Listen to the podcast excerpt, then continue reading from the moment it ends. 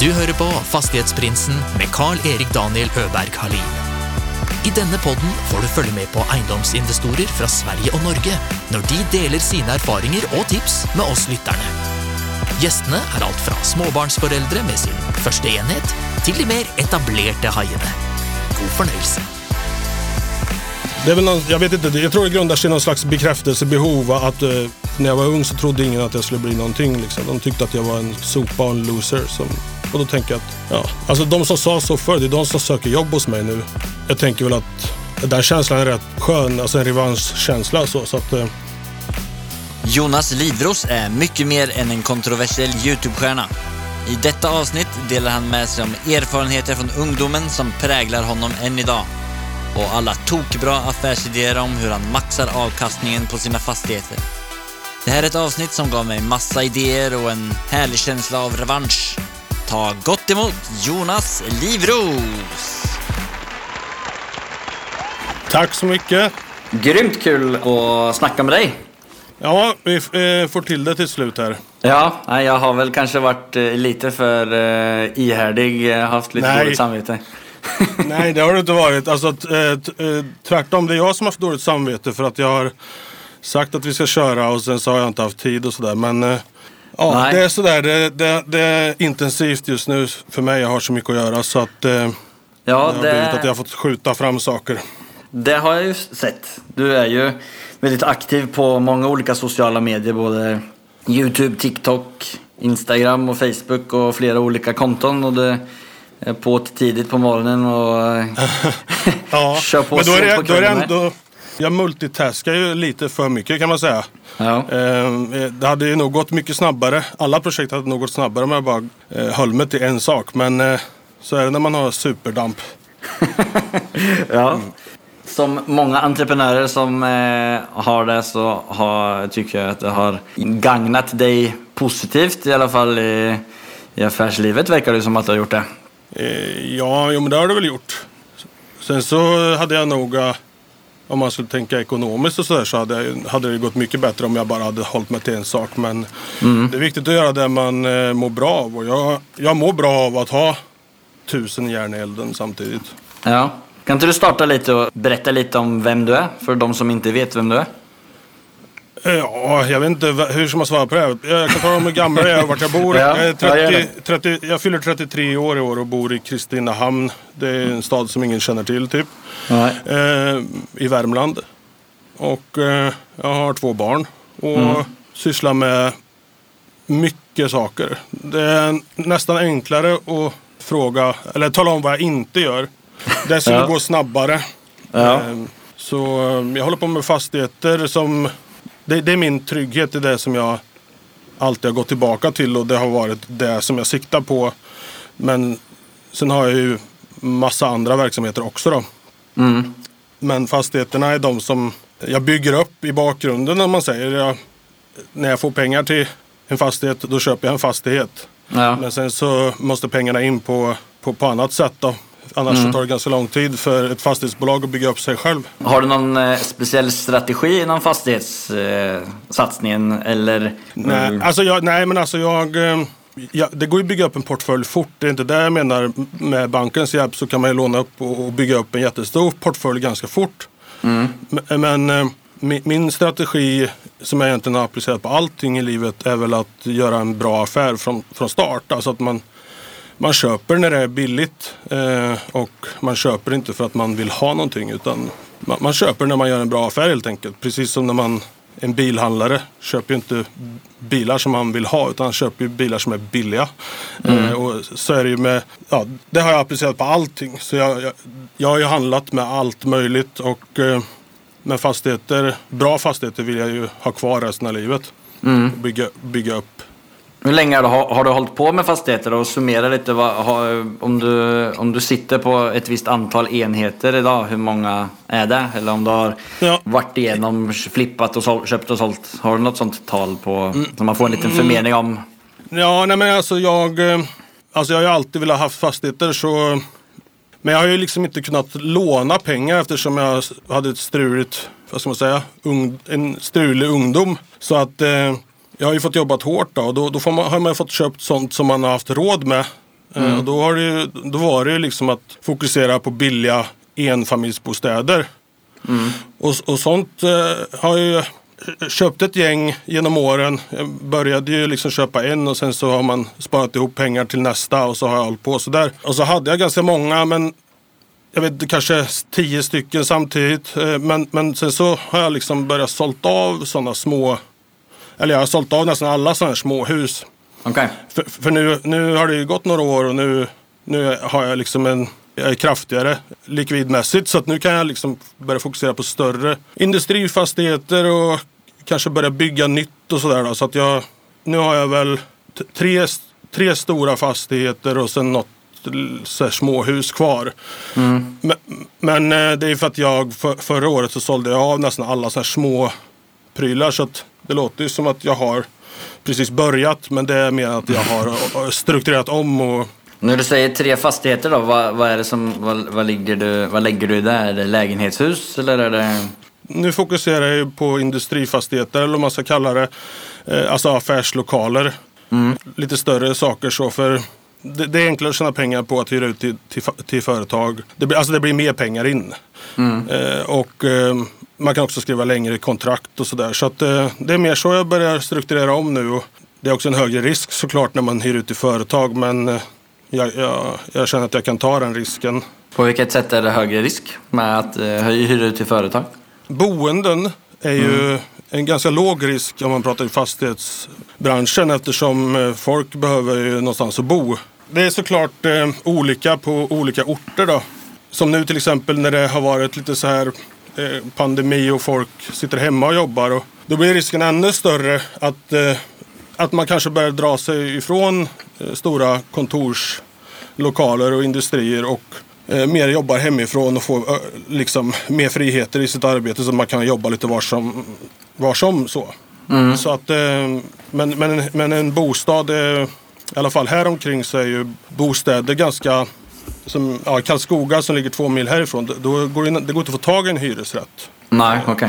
Det är, en- det är en mindre risk för folk eh, vill ju ha någonstans att bo. Men alltså ett företag kan ju gå i konkurs eller eh, ja, helt enkelt välja att inte förlänga avtalet. eh, Och eh, då har man ju anpassat den eh, lokalen efter det företagets verksamhet. Så då kanske det kan bli svårt att få in en ny och sådär. Men du, du nämnde att du håller på med en hel del andra grejer för att, om man ska säga det, kanske skaffa egenkapitalet eller för att få möjligheten till att skaffa, skaffa kapital till att köpa nästa fastighet. Kan du dra upp några av alla de grejerna som du håller på med? Ja, först och främst så maximerar jag mina fastigheter för att, för att liksom trygga upp det här som jag nämnde, eh, risker och sådär. Så att jag startar verksamheterna i lokalerna själv. Eh, och, och ser till att det går bra. Och sen så i framtiden kan jag sälja den verksamheten till någon som vill köpa ett, ett färdigt koncept, ett färdigt företag som fungerar. Och då har jag automatiskt redan en, en hyresgäst och, och så. För det är, det är en stor risk människor tar när de ska starta ett företag. De, de tycker att, ja, man, de vet inte hur det kommer gå. Men om det finns ett företag som redan går bra, då, då är det enklare för folk att hoppa in i och- starta bolag och sådär. Så att det, det är så jag gör. Jag, har, jag håller på, i år ska jag öppna två eh, stora gym i, i egna fastigheter. Då. Okej. Sen, har, ja, sen har jag gym sen innan i, i egen fastighet. Och så håller jag på och startar upp drop-in solarium i egen fastighet. Eh, och sådär. Så att, eh, sen har jag massa eh, andra saker. Jag vet inte vad jag ska dra för exempel men jag har ju mycket. Och, alltså jag, jag drömmer stort och, och vill skapa och jag, jag vill ju liksom skapa någonting jättestort. Så att Ja. jag, jag slutar ju aldrig och nöjer mig med det jag har. Utan jag, jag hittar ju på nya grejer hela tiden. Så jag har ju kanske 50 hemsidor och flera, flera, flera hundra domäner och sådär liksom. Jaha, okej. Men du håller ju på en del på sociala medier och du har ju i alla fall två YouTube-kanaler. Om jag inte förstått fel. Eller två olika Ja. profiler. Ja, precis. Är det också eh, är det intäktsdrivande verksamheter för dig? Eh, ja, jag tjänar ju pengar på dem men, men det är ju det är inte därför jag gör det. Utan anledningen till att jag startade min första YouTube-kanal var ju för att eh, jag, alltså när man bedriver eh, verksamheter för, att, för att kunna marknadsföras. Man måste ju marknadsföra oftast för att, eh, för att pengarna ska rulla in. Ja. Och ma- marknadsföring är väldigt dyrt. Så um, då tänkte jag att eh, jag måste bygga upp en publik så att jag kan marknadsföra mina verksamheter gratis. Mm. Eh, Det var ju så jag började med det. Sen är ju eh, Youtube-kanaler också en passiv inkomst eftersom även om jag inte gör några videos så får jag ändå pengar. Folk kollar ju på gamla. Ja. Och, och passiva inkomster är ju eh, det är någonting jag alltid liksom siktar på. All, alla verksamheter och, och sådär som jag bygger upp är ju mer eller mindre passiva. Ehm, för jag, jag, jag skulle liksom inte kunna ha de här verksamheterna om jag var tvungen att jobba där. För då, då hade jag behövt eh, tusen timmar på ett dygn. Jag tjänar pengar på massor med grejer men eh, det är inte därför jag gör det. Utan det, det, det är bara en bonus. Men jag har ju varit inne och kikat på din, några av dina videos och det är ju ganska mycket humor i dem måste jag säga. Du har ju gjort en del kul grejer där. Ja, men jag spelar ju clown. Jag är, är världens clown på den ena Youtube-kanalen. Ja. Och från början, så det började väl egentligen med när jag funderade på hur ska man kunna ja, nå ut och få följare på Youtube. Ja, då måste man ju liksom sticka ut på något sätt. Eh, Så då gjorde, gjorde jag ju väldigt mycket sådana stolliga saker. För jag har en sån sida också när jag är lite så dampig och, och uttråkad. Men eh, sen så startade jag ju en annan kanal som heter Money to you. Det var ju för att jag kände att nu börjar liksom alla tycka att, eller tro att jag är korkad. Ja. Eh, och då kände jag att, för det tycker jag, inte att jag är. Så då kände jag att då vill jag visa en annan sida. Så jag har väl egentligen lite, det, det känns nästan lite schizofrent att kolla på det. ja. Det är två helt olika personer då, på Ja. de här kanalerna. Men känner du att den sidan, alltså för den Youtube-kanalen som du latchar runt lite mer på heter ju väl Jonas Livros. Ja, precis. När du, när du visar den sidan av dig offentligt, har du upplevt att det har varit bara negativt eller bara positivt? Eller har det positiva övervägt det negativa? Ja, nej, nej, alltså jag har nästan inte upplevt någonting positivt med den kanalen och det är väl därför den inte har varit aktiv på länge. Nej, Utan okej. det, det har väl egentligen bara blivit problem för att eh, jag bor i en liten stad och Mm. Eh, sådär liksom. Och det finns ju ingen, alltså jag, jag vill inte säga att jag är värsta influencern eller youtuber men jag har ju liksom eh, överlägset mest följare av alla som bor här. Och eh, det är liksom en grej som folk skulle ha stört sig på. Men, men sen har jag liksom ett struligt förflutet så att det blir lite jante så här liksom. Eh, Mm. Att man, man vill inte att folk ska göra en, om, en vän, omvändning i livet och, och, och liksom bli framgångsrik. Så Nej. det har jag upplevt jättemycket, eh, att folk stör sig. Och sen så, ja, men jag har gjort lite så här, toka upptåg och kört med avkapad bil och go-kart och sådana saker. Och, och det har ju varit för att underhålla tittarna men det har ju resulterat i att jag har blivit åtalad och blivit av med körkort och allt möjligt sådär för att Ja. ja, det, är- det finns ju också poliser i den här lilla staden som stör sig. Så att, för det är ingen annan Youtube-kanal som gör liknande eh, innehåll som har blivit av med sitt körkort. Så, så att, eh, jag känner att den, den vill jag liksom, jag vill eh, tänka om lite och kanske börja fokusera på de positiva sidorna jag har som hjälper folk istället. För att eh, bara sitta och spela clown. Ja.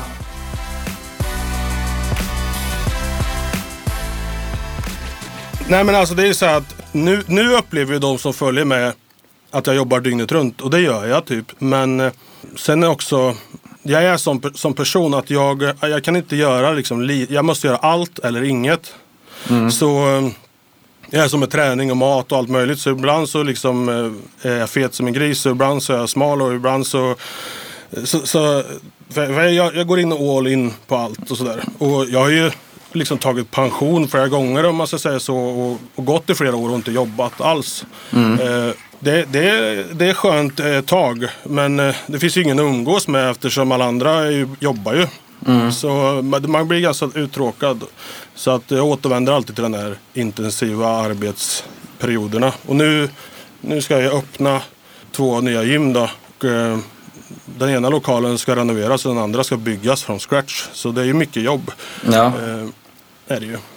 Det kom att tänka på, jag, jag la ju upp en post på Instagram på, på Fastighetsprinsen eh, story där och då bad jag folk skriva in om de hade några frågor till dig. Och där var det en som jag kom att tänka på så kan vi ta det några frågor här nu. Isak Strand eller strand.isak som frågar om du har några anställda i ditt bolag eller om du gör allting själv. Ja, jag har ju jag har inte bara ett bolag, jag har ju jättemånga bolag. Så, men det, jag har ju flera anställda. Jag, eh, alltså som jag sa, där, de flesta verksamheterna är ju mer eller mindre passiva. Sen så på, i någon verksamhet kanske jag behöver ha en lokalvårdare som städar. Och sen så... Men är det eh, har- outsourcade liksom, tjänster som du köper eller har, alltså, eller har du Nej, fasta nej jag, har, anställda? jag, har, jag har anställda också. Sen så eh, tar jag mycket externa för, så också när, när saker och ting behövs göras. Det är, är, någonting som man kanske ald- aldrig räknar som anställda det är väl eh, redovisningsbyrån. Så, men det är ju egentligen också någon slags anställd. För att de har ju jobbat för mig i, i snart 15 år.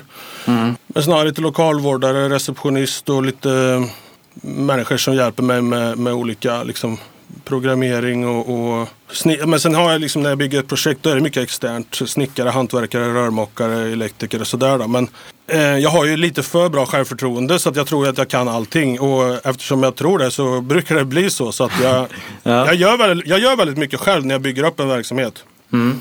Det är jävligt imponerande och det är bra att i alla fall ha varit igenom det när man tänker så stort som eh, du verkar göra. Ja, men egentligen så är det, det är många som undrar varför jag inte bara sitter och gör affärer och sen så har jag någon annan som eh, gör saker och ting. Men, och så, så är det väl, men jag tycker det är kul att greja också. Och, så att eh, det är liksom, pengar är sekundärt. Det viktigaste är att man har, eh, mår bra och jag tycker det är kul att hålla på. Plus att man sparar in jävligt mycket pengar på att göra det. Så har man tid över så varför inte om man ändå kan det. En annan fråga som vi fick in från Felix Cederroth är vad är framgång för dig?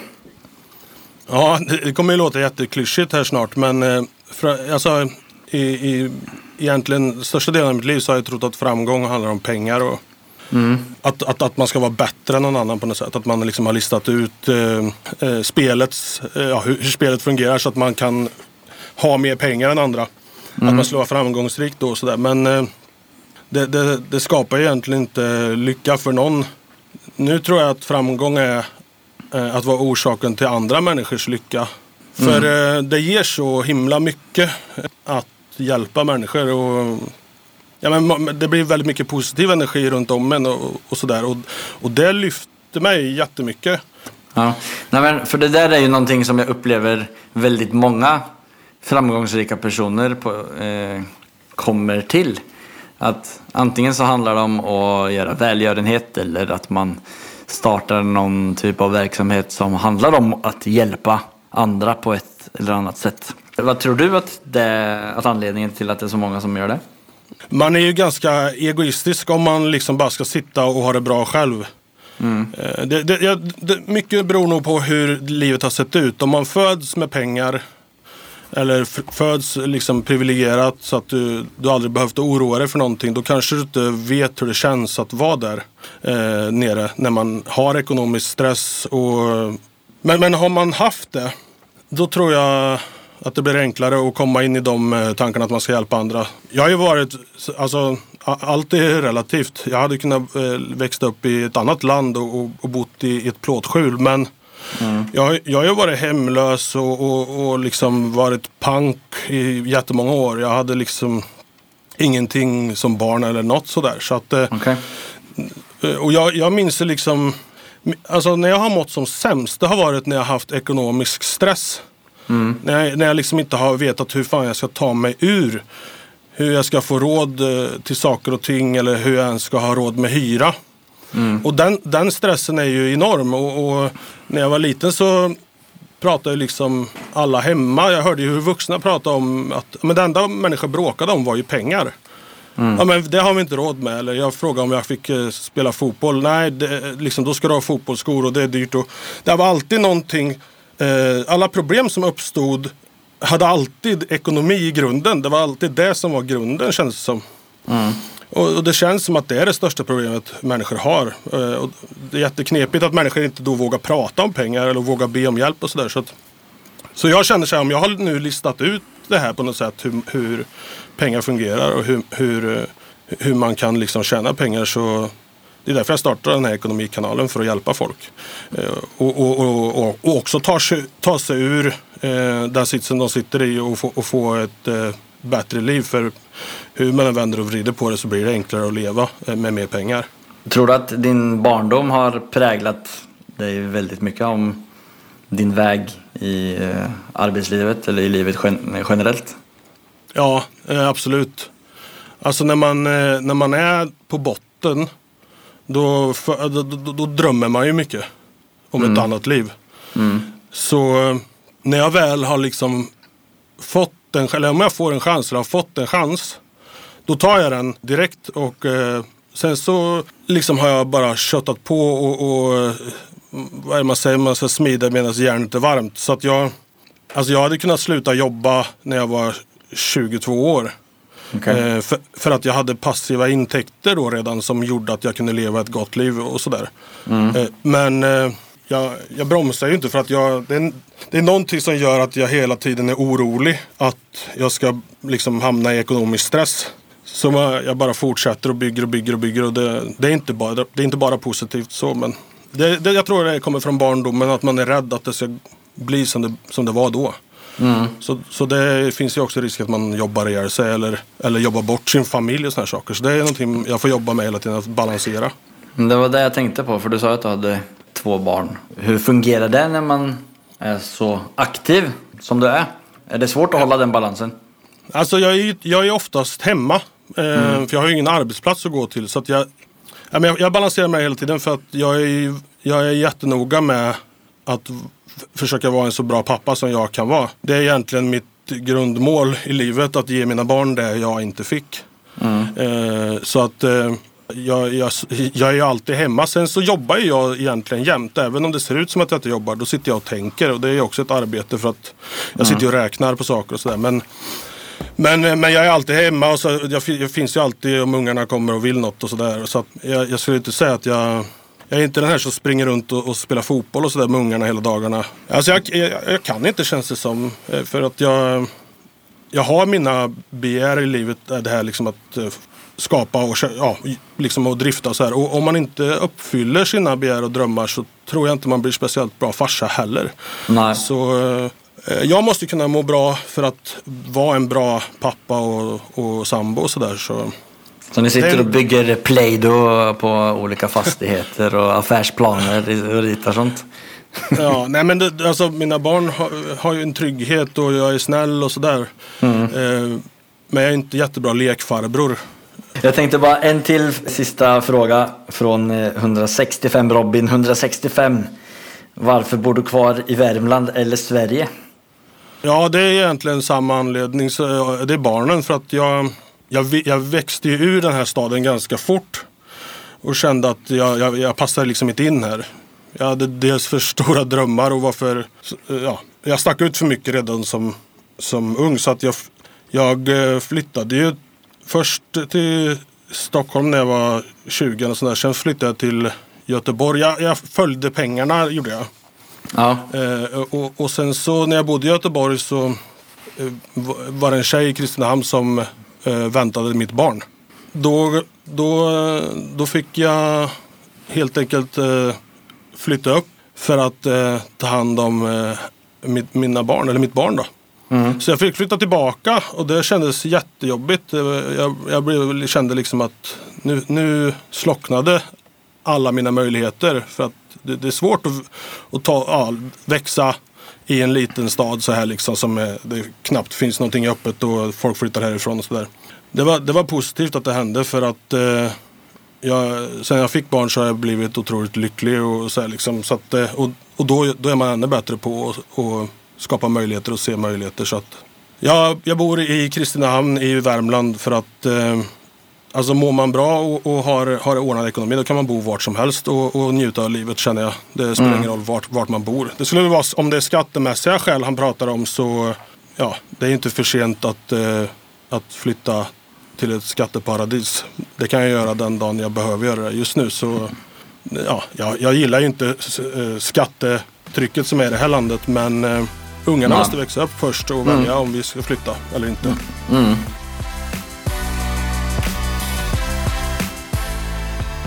Har du lust till att bara ta oss igenom lite från starten och fram till idag med din fastighetsresa?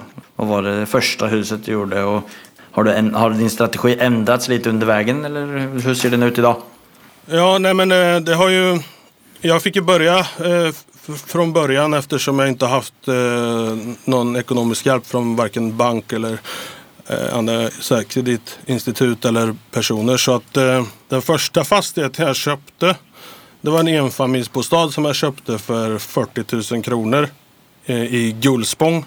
Ja, men för jag har alltid suttit och tänkt så här att va, varför har man inte fastigheter? Jag menar, du, du kan köpa massa små eh, privatbostäder för liksom 100 000 eller småpengar häromkring. Och så kan du hyra ut dem för 5 000 i månaden. Har du 10 stycken får du in 50 000 i månaden. Jag förstod inte, det är jätteenkel matematik. Varför gör inte alla det? Så att eh, när jag började tjäna egna pengar så det är ju eh, den, för, ja, den, det huset då. Mm. Jag, jag investerade i mycket annat också som gick åt helvete. Men, men eh, och det huset skulle jag renovera. Det var, taket var dåligt och allt möjligt var dåligt. Sådär. Men då bodde jag i Göteborg. Eh, och det var, det var 30 mil att åka.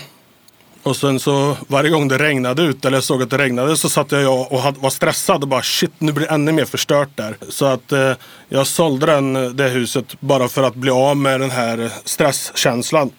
Mm. Eh, och jag sålde den med vinst så men det var inte mycket. Det var typ 30 30-40 000 i vinst. Sen så köpte jag ett, jag har ju köpt andra hus som jag bott i men det räknar ju inte som fastighetsinvesteringar även om jag har tjänat pengar på de husen. Mm. Men eh, eh, utan eh, hus som jag har köpt för att tjäna pengar från början det är ju något sånt som jag har hyrt ut eller köpt för att flippa. Så mitt mm. andra hus som jag köpte för att tjäna pengar var ju också en liten villa som jag köpte för 53 000 kronor.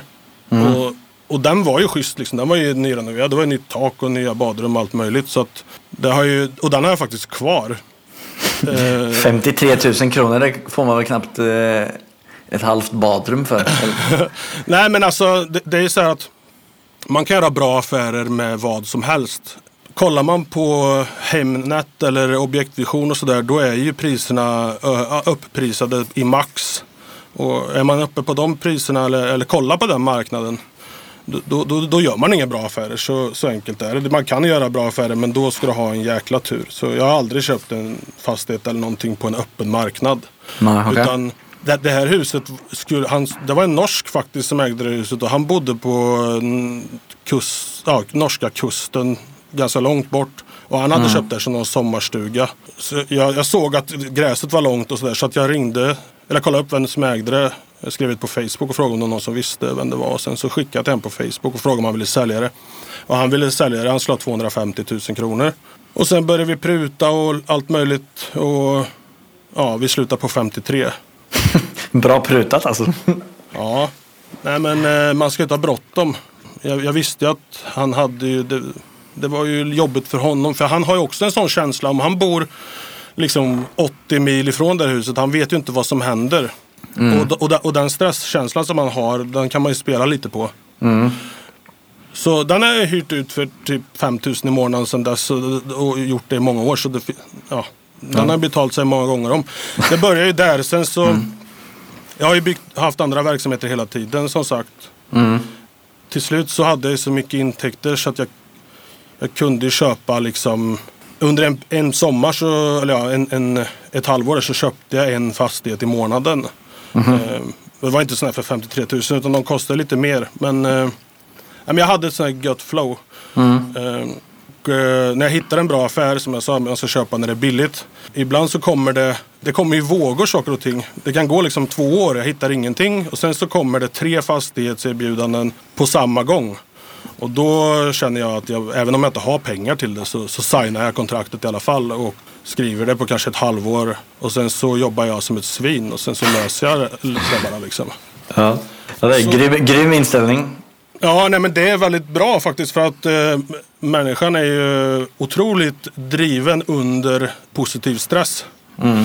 Eh, man får väldigt mycket gjort och man blir, jag är en problemlösare men du blir ju problemlösare deluxe om du, alltså du vet ju att du förlorar din handpenning om du inte löser den här affären. Mm. Så har det varit. Jag har köpt när det har varit billigt och, och, och så därför har jag liksom inte haft jättemånga fastigheter. Men eh, alla affärer jag har gjort har ju varit eh, jag har inte träffat någon som har gjort de vinsterna procentuellt och, och sådär. Och människor jag pratar med har heller inte hört talas om någon som har gjort sådana vinster i nutid. Så, Nej. så, att, eh, så det, det, det är vinnande koncept för mig att inte ha för bråttom. Mm. Och, och liksom köpa när, när det verkligen är en, bra affär. Så att jag, jag i perioder så har jag köpt jättemycket fastigheter och sen så i perioder så har jag inte köpt någonting alls. Men sen nu förra året då, så förra året och året innan det så har jag sålt av de här privatbostäderna och sitter på en del kapital och, och, och ska satsa i de här större grejerna som jag har nu då. Mm. Hur länge har du ägt dem som du, de tre fastigheterna som du sitter på idag? Ja, den, den ena fastigheten som jag ska öppna gym i här nu, den köpte jag väl för, ja, förra året någon gång. Och det är faktiskt grannhuset. Den, den, den, eh, den är, jag ser den från mitt fönster. Det, det, den har numret efter mig. Vad är, vad är det för typ av fastighet då? Det är en industrifastighet. Det är landstingets gamla matsal och, och kök. Eh, Det var ett sjukhus här förr som la ner. Och så, de hade ju ganska stor vård och så här omkring då. Men sen så valde de att lägga ner. Det var väl inte nog med kunder eller något. Jag vet inte. Så då knoppade de ju av lite fastigheter där. Eh, nå- några rev de och några sålde de jättebilligt. Och sen så nu har de ju fått för sig att starta upp allting igen. Så nu är det ju full ruljans där. Men då var ju redan den här fastigheten såld. Så det, det var en jättebra men affär. Det- är, de, är de din hyresgäst nu eller är den tom i den fastigheten? Nej, de är inte min hyresgäst. Utan jag ska ju starta gym där, så den är helt tom. Okej. Jag har inga lån på fastigheten eller något sånt där. Så jag kan ju... Jag, jag har inte varit stressad. Eh, för det har ju gått runt ändå. Jag har inga utgifter på den. Annars kan det vara en stress om man har jättemycket lån och köper en fastighet som står tom.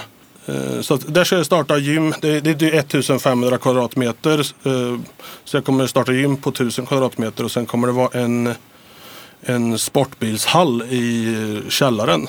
Så jag håller- jag håller på att bygga om den lite. Så jag sätter in garageport och så i källaren och lite sådana saker. Sportbilshall så som att sälja sportbilar eller folk åker dit och meckar? Nej, sp- sportbilshall. Alltså jag, nej, men jag har haft jättemycket drömmar. Och, Ja. Men jag, jag, jag sätter alltid liksom en sån här, hur, kan man, jag, jag hatar att förlora pengar. Och ska man köpa en Lamborghini eller någonting då, då är det ju egentligen i regel en dålig affär.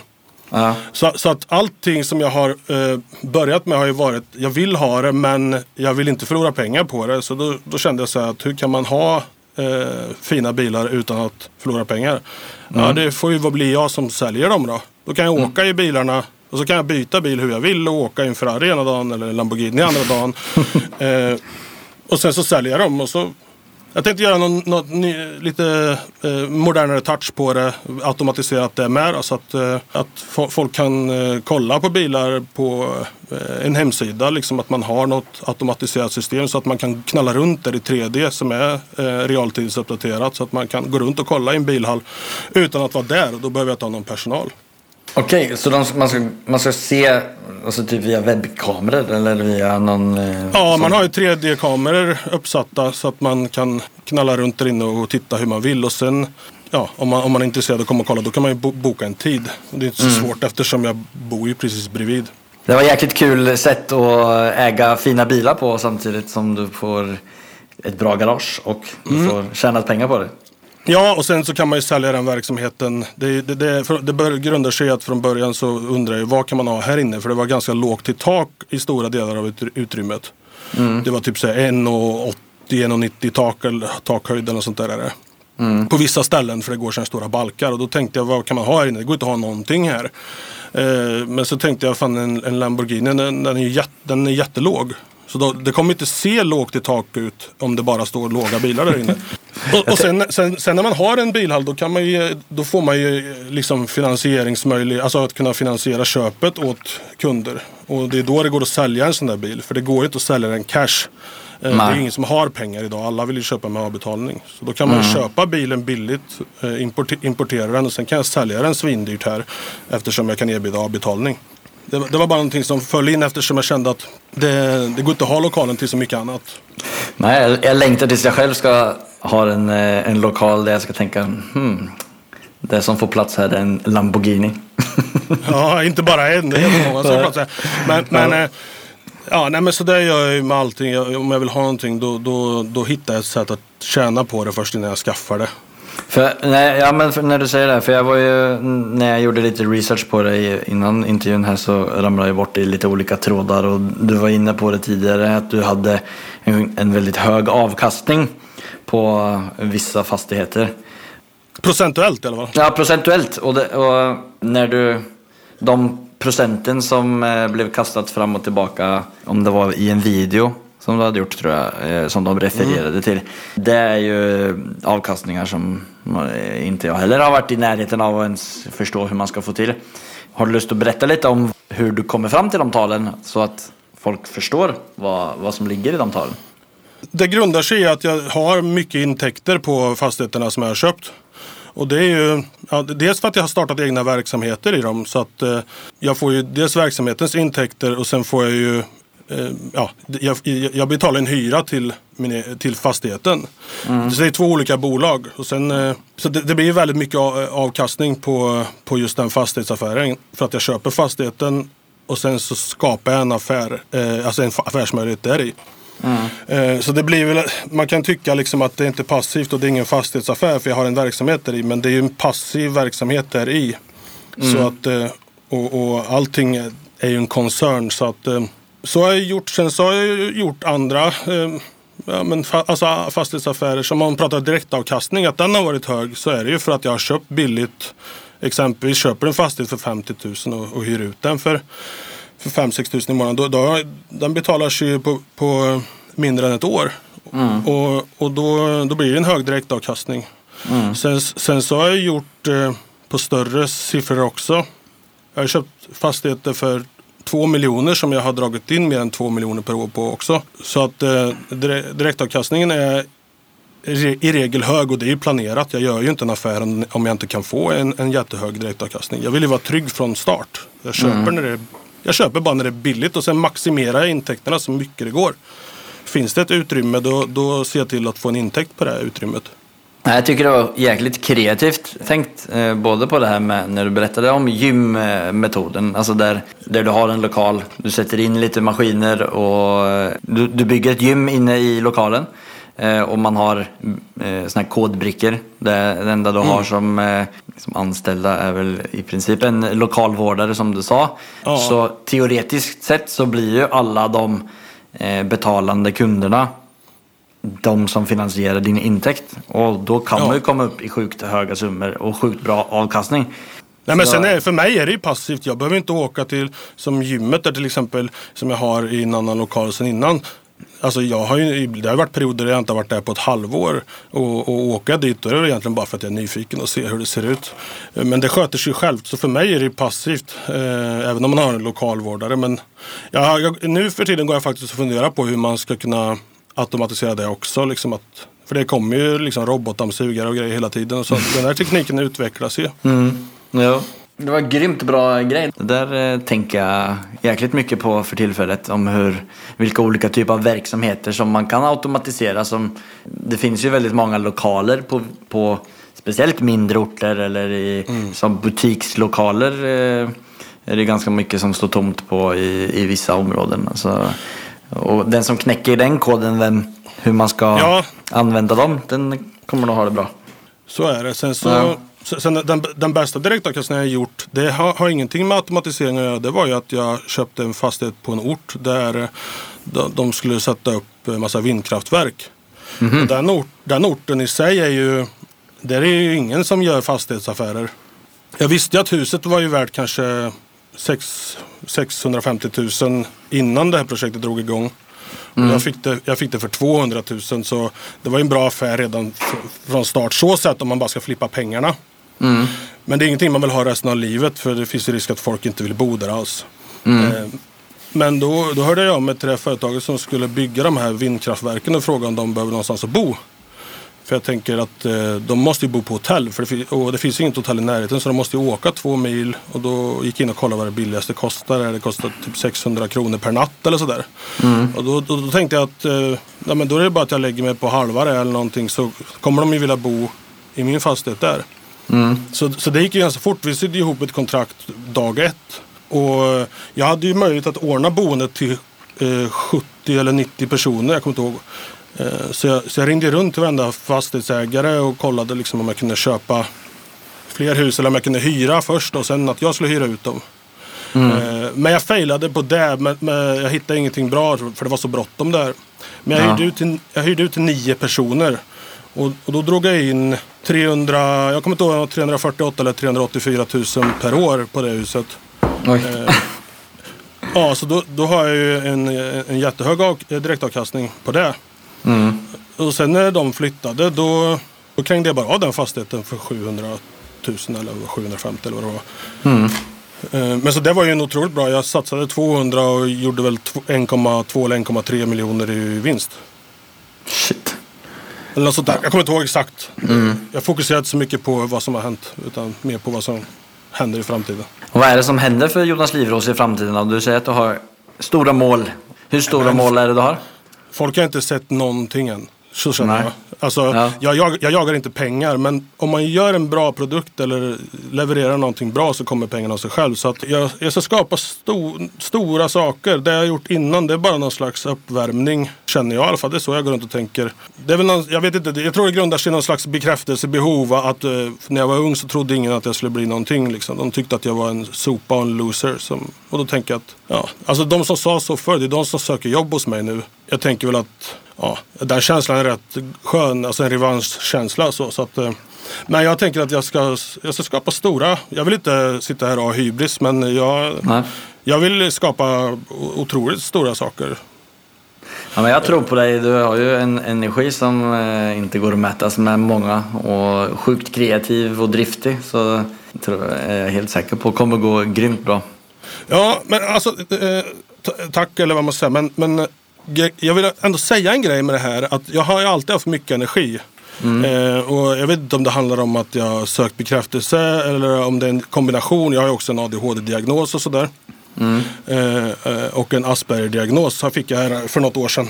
För det är så många som, som går runt och har sådana här diagnoser eller kommer från ett liksom eh, sämre förhållande, eh, dålig ekonomi hemma eller sådär. Liksom. Och, och de går runt och, och, och tror att de är förlorare från start.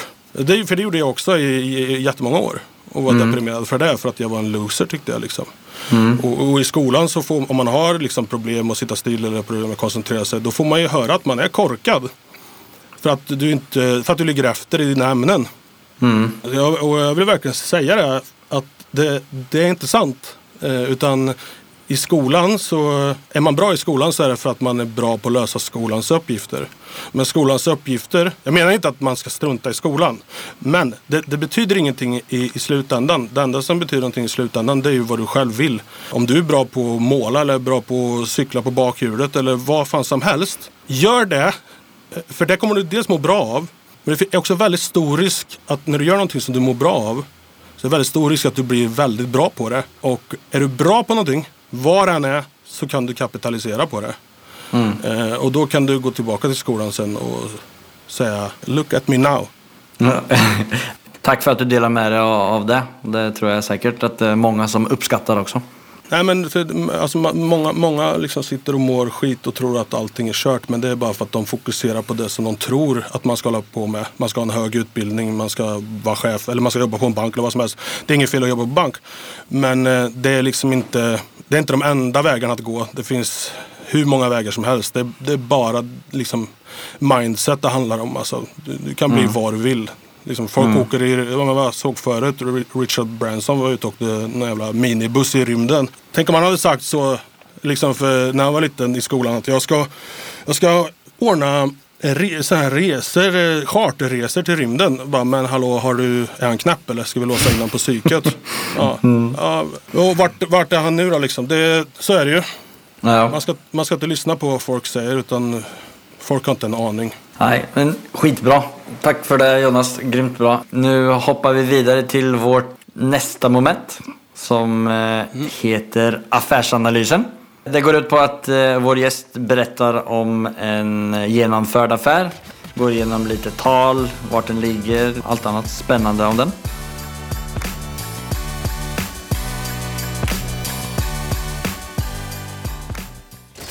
It has not been easy for me. And, you know, I, I started off in Brooklyn. My father gave me a small loan of a million dollars. Affärsanalysen. Har du tänkt ut någon deal som du vill dela med dig om?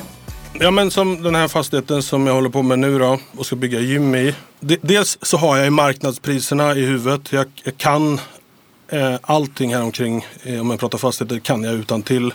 Jag, har, jag har någon känsla för det. För att jag har nördat in mig på det väldigt mycket.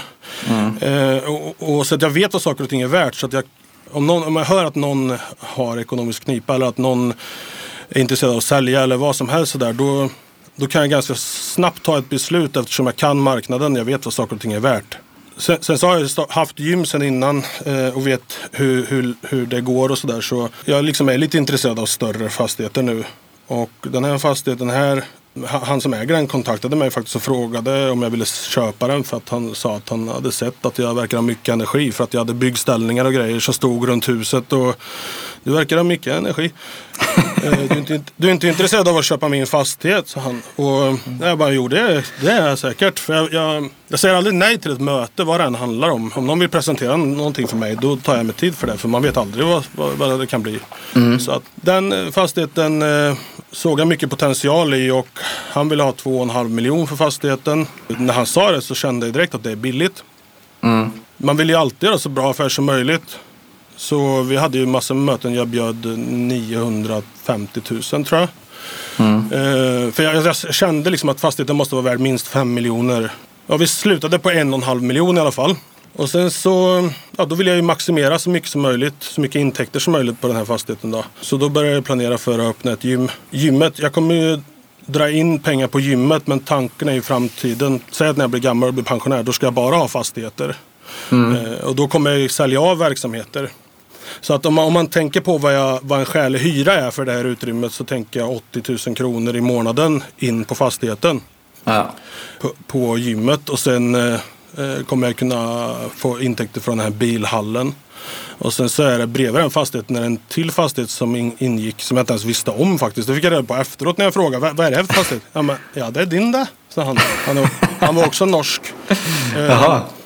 Så där funderar jag på att öppna en, en automatiserad mekverkstad. Att folk kan swisha så öppnas porten och så finns det billift och grejer. Så det kommer bli lite intäkter liksom upp, uppemot Ja. 100, tu- 100 000 i månaden tänker jag för, för den fastigheten. Sen, så så det, det kommer ju alltid vara en bra intäktskälla och, och skulle det vara så att eh, alla flyttar härifrån då, då får väl landstinget köpa tillbaka den känner jag. För att landstinget har ju, de ligger, det ligger precis bredvid och ja, jag menar inte att man ska göra så här men det, det skulle i princip räcka bara att man bara inte tar hand om fastigheten så kommer ju landstinget köpa upp den bara för att eh, snygga till den för det ser, ser ju inte bra ut för deras verksamhet. Jag menar Nej. inte att man ska göra så men jag känner mig trygg för jag vet att det kommer alltid finnas en potentiell köpare för den eh, även om folk skulle flytta härifrån. Eh, Jag känner mig ganska trygg där. Den ligger ju precis mitt i centrum också. Så att, men eh, jag har inte gjort någon värdering än för att vi håller på att renovera och inte, vi är inte klara. Jag skulle tippa att den är värd mellan 5 och 7, 5 och 8 miljoner. När tror du att de här verksamheterna är igång då? Eller när har du planlagt att de ska vara uppe och gå? Gym, gymmet ska öppna vid årsskiftet är tanken. Vi, vi fick ju ganska nyligen bygglovet. Så att eh, det vi har gjort innan eh, har ju varit, jag har bytt alla fönster. Det var ju 47 fönster som jag har bytt. Och det, det har jag gått och gjort på kvällarna faktiskt när jag har varit uttråkad. Ja. Ja men alltså jag kör, liksom, ska du anlita en byggfirma som köper svenska fönster och sådär då kanske varje fönster kostar eh, 5-6 tusen spänn om du köper många. Eh, jag har köpt dem från Polen, betalar kanske ja, ett fast fönster kanske jag betalar ja, under tusen kronor för. Och eh, öppningsbart liksom lite över tusen kronor. Och så satte jag in dem själv så ja, alltså jag, jag, jag sparar in eh, en halv miljon kronor minst. Liksom. Så det har jag gjort och sen så men nu fick vi bygglovet så då, nu är det ju full rulle där inne och börja måla och eh, bygga om planlösningen lite. Man måste ju handikappsanpassa allting så det måste ju finnas ramper och rullstolshissar och större bad, eh, vad ska man säga, badrum och sådär. Det är några dörrar som behövs eh, breddas för du måste ha en viss bredd för att rullstolar ska komma in och det var ju 52 rum i den här fastigheten från början. Som tur är så är de flesta eh, dörrarna i rätt mått. Men det är lite sånt där. Så att när gymmet är klart vid årsskiftet eh, då sätter jag igång med de andra verksamheterna som jag tänkt ska drivas där. Är du inne i den här affären helt själv eller har du någon partner? Nej, jag är alltid själv. Jag har aldrig haft en partner på något så. Det är ju, alltså, nu har jag eh, en livskamrat eh, och två barn så att eh, Det är inte, jag anser ju liksom att eh, jag gör ju allt det här för, för deras skull. För att jag vill att de ska ha det bra. För att jag ser en, en svår framtid. Jag är lite så här nördig eller filosofisk. Men jag, jag liksom... Jag ser att det kommer bli tufft i framtiden. Jag ser attityden på unga människor. Och jag ser att de har ingen arbetsmoral. De har det väldigt gott. Egentligen alla runt om i samhället, alla i världen har det bättre nu än vad de någonsin har haft. Och det finns så mycket pengar i systemet. eh, Alltså bankerna trycker upp så mycket pengar så att det, det, det är överflöd av pengar. Samtidigt som att allt håller på att automatiseras. Liksom alla stora företag, ja, ta vad som helst, Naked eller Amazon eller vad som helst. Här, de har ju ingen lagerpersonal som åker runt med truckar och hämtar lådor. Utan allting sköts ju av robotar. Och så, och så där kommer det bli i alla branscher. Så att, eh, och mänskligheten blir bara mer och mer folk. Så eh, vart ska folk jobba? Vad ska de syssla med? Det, det, jag ser eh, en otrygg framtid. Så eh, det kanske låter omodernt men jag, jag, jag jobbar för min, mina barns skull och, och för min sambo. Om det skulle hända någonting då vill jag inte att de ska känna ekonomisk stress Nej. någon gång. Det tycker jag inte låter omodernt, jag tycker det låter fint. Ja. Då har vi kommit fram till vårt sista segment som heter Fyra frågor.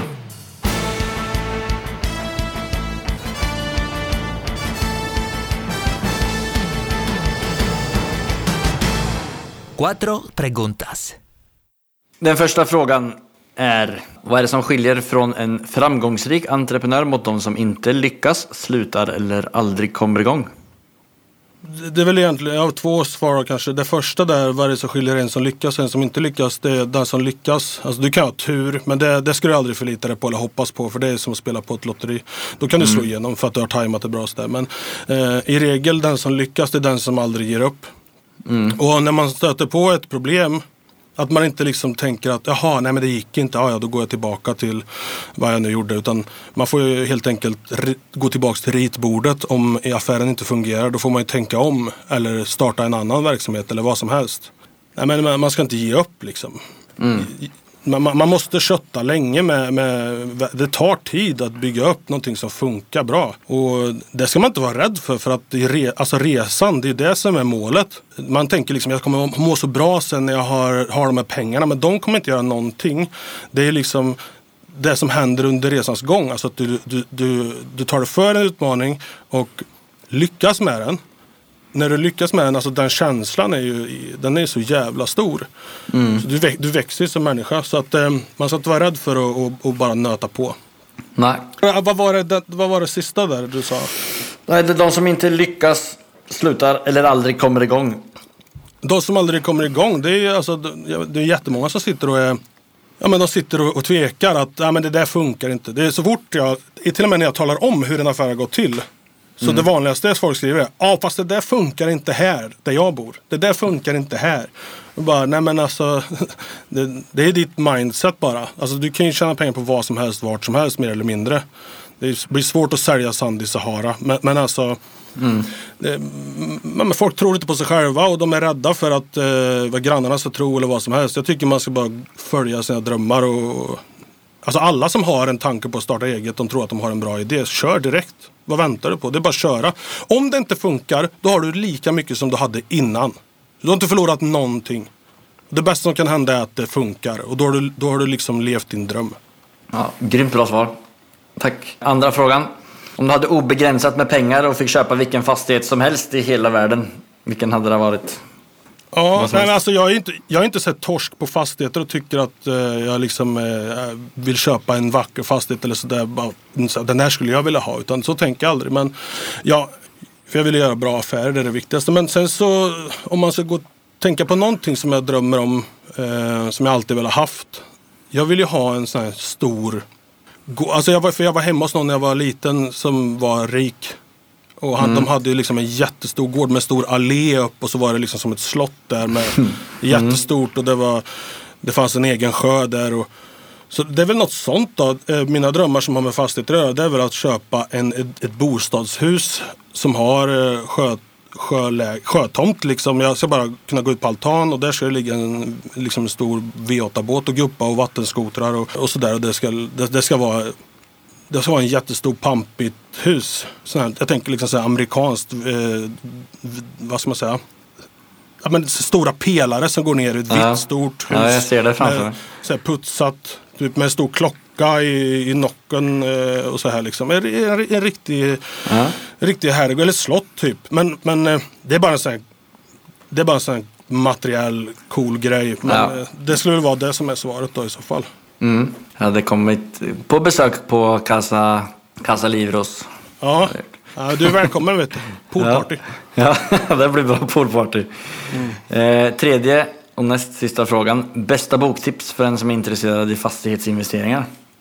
Åh, det, alltså, det är ju svårt att ge ett boktips eftersom jag aldrig har läst en bok. Nej. Eh, nej, men jag, är ju liksom, jag hoppade av skolan när jag, liksom, jag, alltså jag kan ju läsa och, räkna och skriva och sådär men det är någonting jag har lärt mig efteråt. Eh, men eh, jag, jag har ju svårt att hålla koncentrationen när jag läser en bok. Läser en halv sida och sen tappar jag bort mig. Så jag, jag lyssnar ju mycket på ljudböcker och poddar. Egentligen, må, alltså, nästan största delen av dagarna går jag och lyssnar på någonting. Och, så jag är väldigt så här ekonominörd. Så jag, jag lyssnar ju mycket på eh, ja, investering och börspoddar och fastighetspoddar och sådär liksom. Och, och så här självbiografier om framgångsrika människor. Så att, eh, Ja, har du någon, Men- ta någon favorit av alla dem då? Det, Alltså, om- om- jag är också torsk på, på biografier.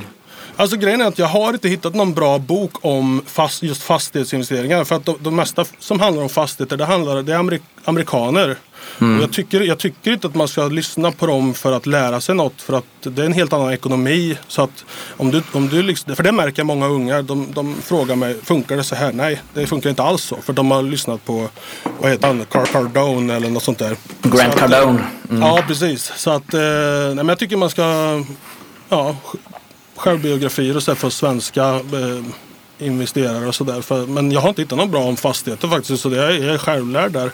Ehm, Du har haft fem möjligheter på att säga Fastighetsprinsen och du har inte gjort det än. Så det... nej, men jag, jag, jag, jag, tänkte att jag, tänkte säga ni får lyssna på framgång, eller får säga på eh, framgångspodden. Vad fan heter det? Ja, den, Eh, den är fram- bra den med. Fastighetsprinsen. Men eh, de, de lyssnar ju redan på den annars hade de inte hört det här. Så att det fanns ingen anledning att säga det. nej, nej, det är sant. Men Framgångspodden är jäkligt bra. Med Alexander Perros. Ja, eh, framförallt i början när han, in, när han intervjuade alla eh, liksom, entreprenörer. Nu är det mycket ja, kändisar och mycket, vad ska man säga, ja. Det, det, det är inte lika bra som det har varit men det är klart, eh, Sverige är stort. Han har ju dammsugit nästan hela marknaden. Men den eh, är väldigt bra faktiskt. Eh, eh, det, har gett mig ett helt annat mindset. När man lyssnar på framgångsrika människor prata om sin syn på verkligheten så då försvinner det här jante och det här. Det, det är lätt att bygga upp ett eh, självförtroende om man, man lyssnar på många människor som Ja, men för framgångsrika människor är i regel positiva och liksom, tänker positivt och är optimistiska. Och det, i alla fall i mitt liv innan så är det, man omge, har omgett sig av ganska negativa människor som pratar, klagar på är dålig lön, de har ont i kroppen och nu regnar det. Och, och, och sånt eh, det, det formas man av. Så man, eh, man ska omge sig av positiva människor och, och har man inga så får man lyssna på dem helt enkelt. Och det kan man göra genom att lyssna på Fastighetsprinsen då. Bra. Fjärde och sista frågan. Den jag kanske har varit mest spänd på att höra vad du ska svara på. Nämn det mest storartade, roliga eller minnesvärda sättet som du har firat en genomförd bra affär på. Ja, det kommer bli världens tråkigaste svar tyvärr. För att när, när jag har ett mål, då tänker man ju att ja, men det, det ska bli så kul. Eller som när jag skulle liksom, åh, när jag, när jag blir miljonär. Gud, då trodde man att man skulle bli så himla, åh vad kul. Men eh, alltså jag jobbade så hårt så att när jag, när jag fattade att jag var miljonär då, då var jag god för flera miljoner. Så att det hade ju gått förbi. Jag, jag firar ju inte så mycket faktiskt. Utan jag, jag bara köttar på. För att jag är inte nöjd riktigt. Jag gör bra affärer men jag är ju ingenting i vida världen om man jämför. Så att jag har inte uppnått nått de här stora målen än. Utan det, här, det är bara delmål. Då blir det poolparty på Casa de Livros. Ja. Sen så är ju allting, alltså jag har ju lördag varje dag. Jag kan ju käka på restaurang när jag vill och, och, njuta av livet. Eh, så att det är väl att jag, då firar jag väl i så fall varje dag då. Men det är inte för något speciellt projekt utan Jag njuter av, jag njuter av att, att ha en ekonomisk trygghet för det, det har gett mig ett bättre liv. Mm. Låter Det är jävligt osvenskt att säga så men eh, för mig är det sant i alla fall. Ja, men det, det där tycker jag är eh, helt rätt synsätt. Så det måste i så fall tvättas bort. Eh, Man, man, man lever ju bara en gång. Var- Varför Ja. ska man gå runt och anpassa sig efter vad alla andra tycker och tänker? Mm. Det, det är helt sinnessjukt. En vacker dag dör du liksom. Och så ska du, inte ha, ska du inte ha uppfyllt dina drömmar då? Nej, men vad, vad fyllde ditt liv för mening i så fall? Så, Mm. Nej, då var det bara förvar. Ett förvar Ja. på jorden. Nej, jag tycker det är skitinspirerande att du står för det och att du gör det. Det, det ska du ha creds för Jonas. Tack. Sista tips till alla nya investerare. Har du något sånt?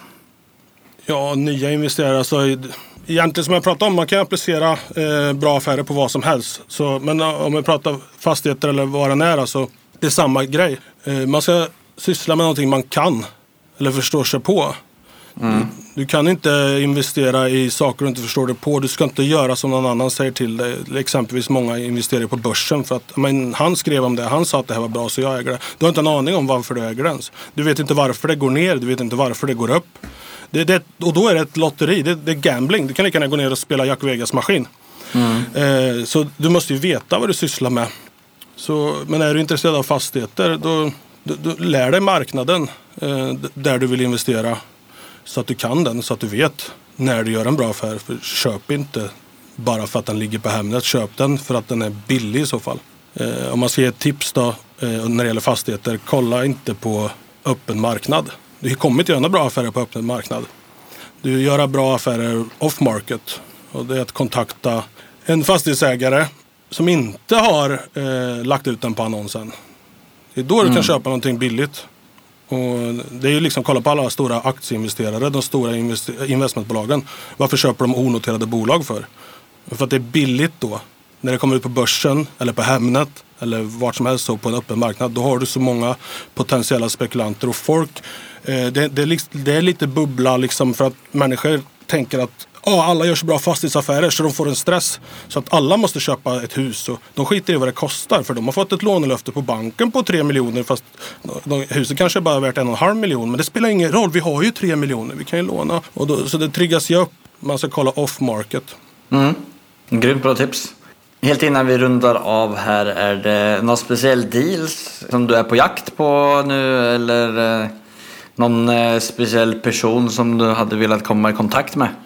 Eh, nej, alltså om, om jag, eh, att jag söker en deal tror jag inte hade varit, eh, det hade nog inte gett mig så mycket så här för då hade ju de som kontaktar mig, det är de som har någonting som de vill sälja men de vill ju bara sälja det om de får bra betalt. Så jag hittar ju de dealsen själv. Däremot skulle jag kunna vända på det. Om det finns människor som lyssnar på det här som vill göra deals så är jag alltid öppen för ett möte. Eller öppen för att lyssna liksom på vad du har för idé. Eller om du har något bra projekt och du behöver ha någon investerare eller en affärspartner eller vad som helst så kan de kontakta mig. För jag, jag säger aldrig nej till, eh, till ett möte. Så det, det finns bra dealmöjligheter för andra tror jag. Och hur kommer man eh, på bästa sätt i kontakt med dig då? Man kan mejla mig på kontakt.jonaslivros.com så, så svarar jag när jag hinner. Eh, Det är Ja. väldigt många som undrar, har du fått mitt mejl? Men eh, jag, jag har ju väl, alltså jag, jag har, får väldigt mycket mejl sådär, så att eh, jag kommer svara men det kan ta tid. Så, så tro inte att jag har ignorerat eller att det ligger någon spamkorg. För det, det ligger antagligen där. Jag tar det när jag hinner bara. Ja.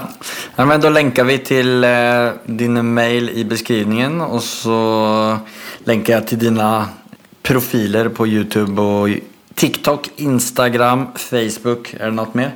Nej men alltså länka till, till Money-kanalerna på TikTok, Instagram och eh, eh, Youtube. Eh, jag, del, jag delar med mig av eh, information och eh, ja, eh, vad ska man säga, att ett tänk som, eh, jag ser ingen annan svensk kreatör som levererar sådana saker. De flesta kopierar någonting någon annan sagt. Eh, bakom andra konton så gömmer det sig oftast en människa som inte har speciellt mycket erfarenhet. Eh, men de, de ska liksom utbilda inom ämnet. Eh, Men det är bara ytliga grejer. Jag, jag lär ut saker som de inte lär sig någon annanstans. Om eh, ja, ska, alltså, skatter, lagar, hur man ska tänka och såna här saker som eh, Jag känner mig, det känns som att det är bara jag som levererar det eh, innehållet. Mm. Men jag har väldigt lite följare jämfört med andra investeringskanaler.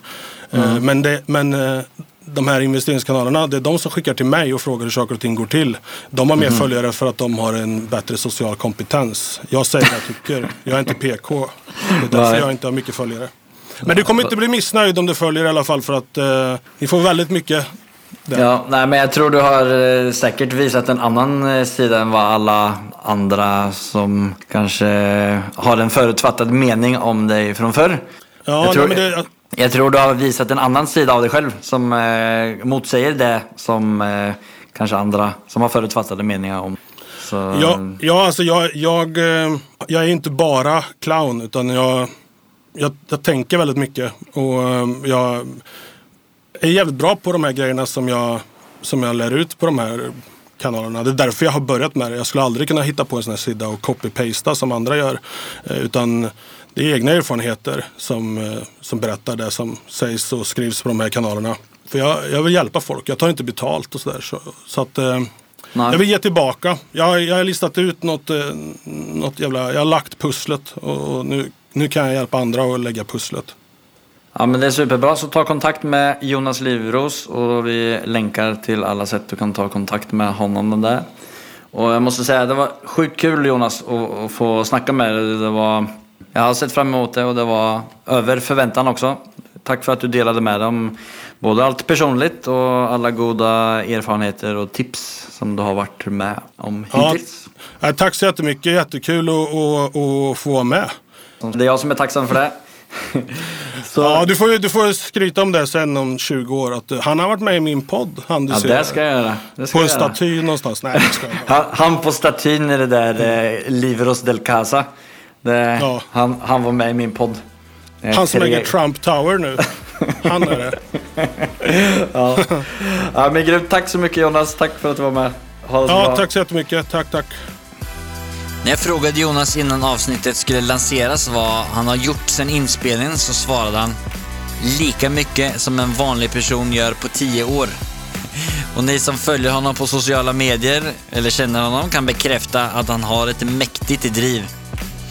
Jonas avsnitt öppnade upp tankarna för mig med att vara ännu mer kreativ när jag ser på fastigheter och vad jag kan använda dem till.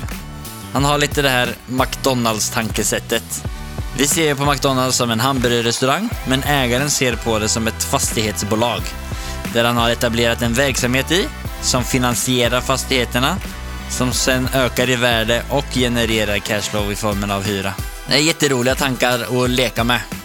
Gå jättegärna in på Instagram och ge oss feedback på vad ni vill höra mer av eller om ni har andra tips. Yes, då är Jonas igång. Vi ska ut och köra lite avsågad bil. Tack för idag. Ha det igen!